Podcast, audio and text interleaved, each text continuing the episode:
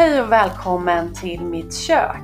Sara här. Jacqueline här. Tack snälla att jag återigen får vara här. Du Varför är tackar jag? Det är du som ska tacka så mig. Varmt välkommen Jacqueline. Tack så mycket. Idag så tänkte vi att vi skulle bara slänga upp begreppet godhet här på bordet. Och, Just det. Släng upp godheten. Visa mig vad godhet är. och så ser vi vad som händer. Ja,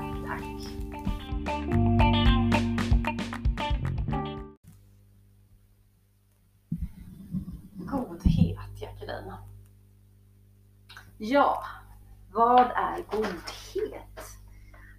Det är ju något som låter så snällt, så, så vänt på något sätt. Godhet. Att vara god. Vad händer ifall man slår upp det på Google? Ja, just det. Kolla nu där. Godhet. Då läser jag eh, från Wikipedia. Mm. Godhet är ett filosofiskt och religiöst begrepp som är motsatsen till ondska och kan beteckna det som moraliskt rätt. Mm. Just det.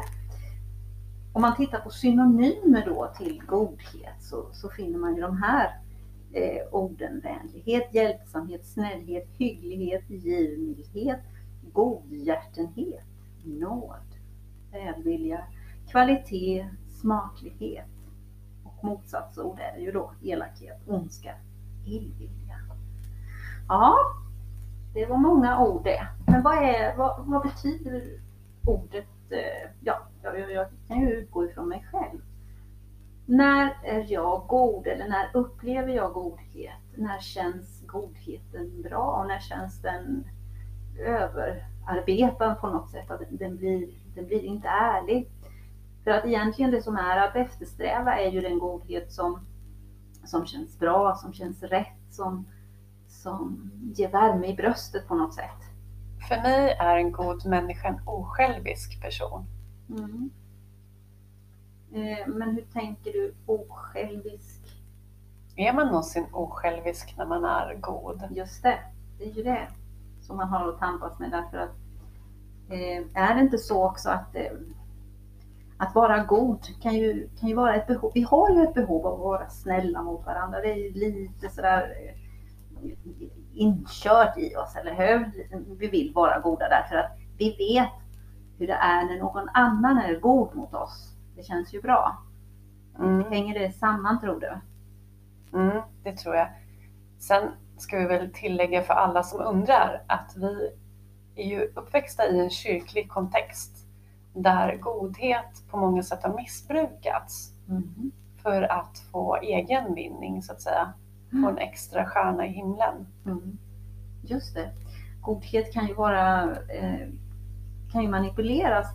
Man, kan använda sig av godhet för att manipulera, som du menar säkert här.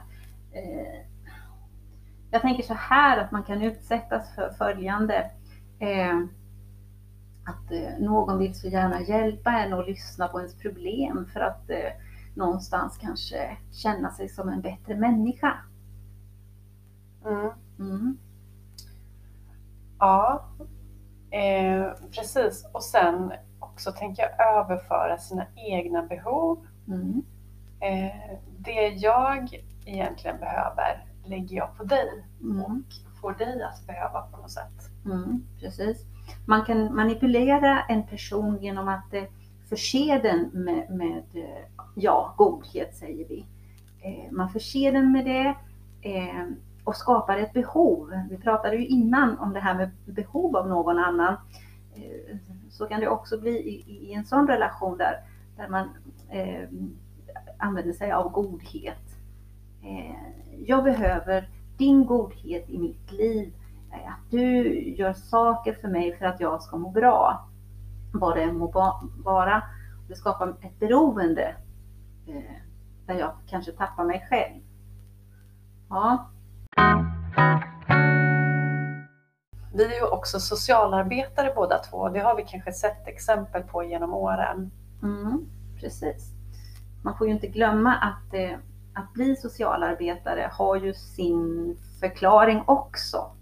Eh, man kan ju inte bortse ifrån det här att eh, man har ju ett behov, eh, en längtan över att hjälpa andra. Varför har man det? Det är viktigt ändå att komma, bli klar med sig själv, vad det behovet står för, tänker jag. Så att man inte hamnar i det här vi talar om, att, att hjälpa andra på ett manipulativt sätt. Där man, där man förverkligar sig själv. Det gör man ju alltid när man är god. Någonstans gör man ju det, men att man måste vara ganska klar med sig själv, tycker jag. Mm. Och veta eh, vem man är. Varför jag gör det här. Ja, ja precis.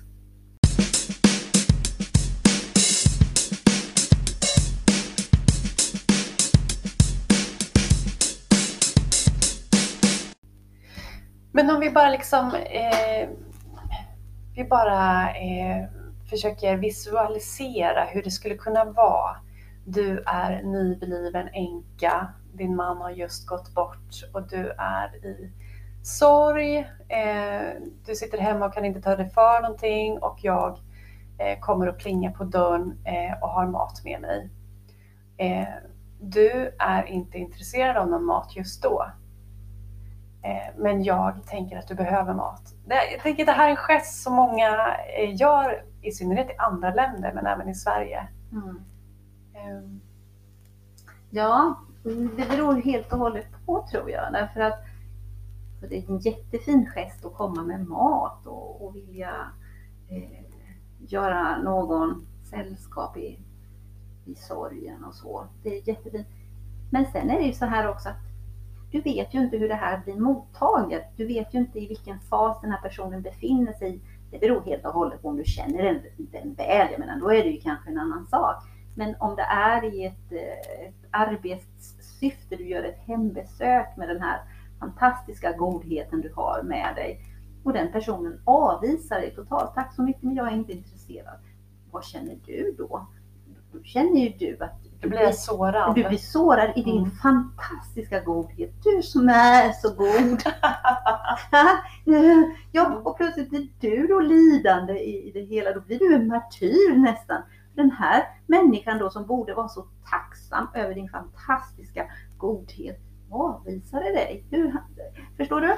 Mm. Då måste ju du ha eh, en klar bild över vad ditt syfte var med det här. Du ville hjälpa men du, du var ändå beredd kanske att råka ut för det här. Mm. Ja.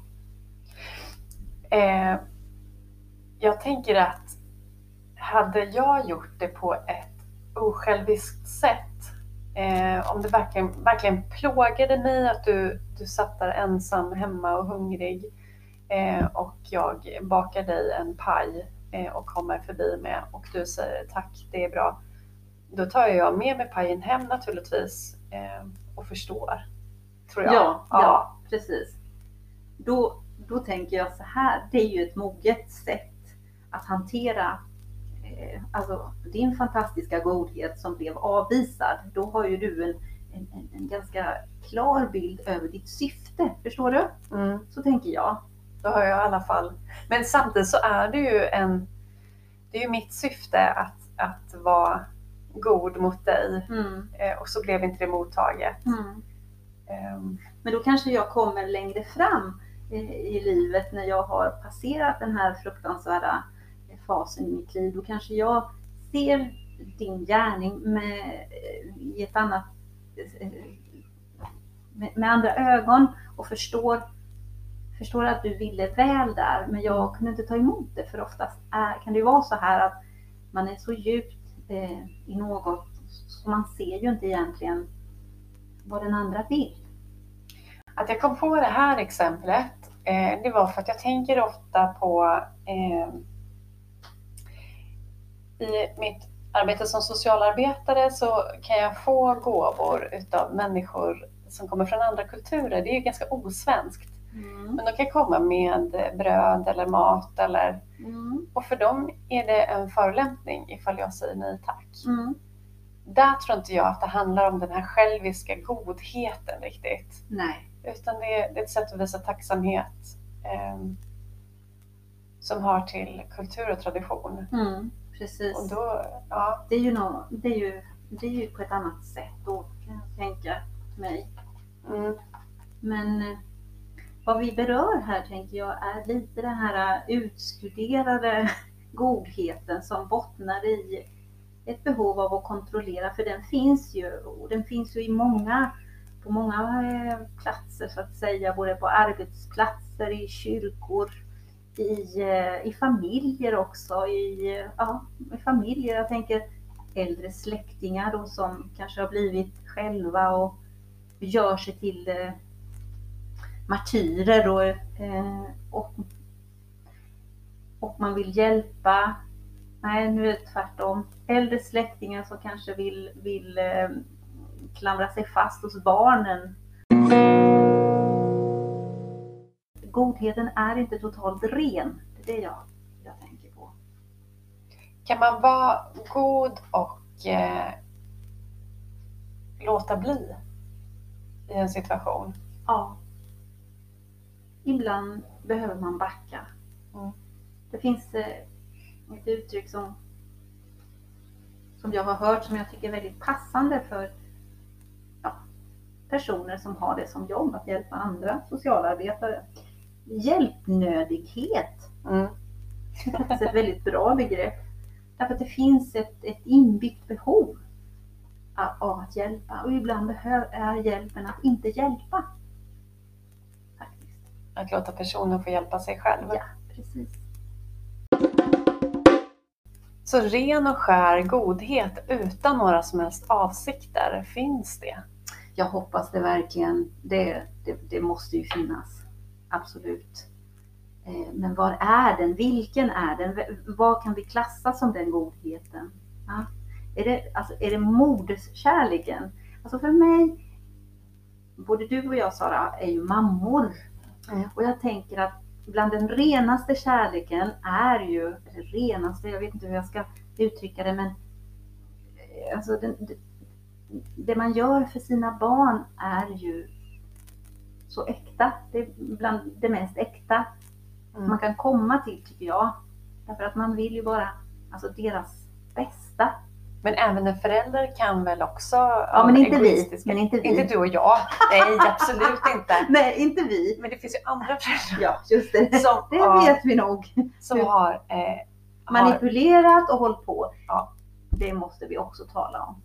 Det har vi också behov av att prata om. Och Ja. jag, jag tänker att, att det finns föräldrar som, som har behov av att glänsa. Oh ja, att, Eh, att det finns. Så att andra ser hur duktig man är. ja, ja, oh ja, det finns så mycket. Alltså det här är outtömliga Vi kan inte sluta Nej, prata, vi vi, kan inte bara bla bla bla bla. Fortsättning följer. Yes box, fortsättning följer. Ja. Tjingeling!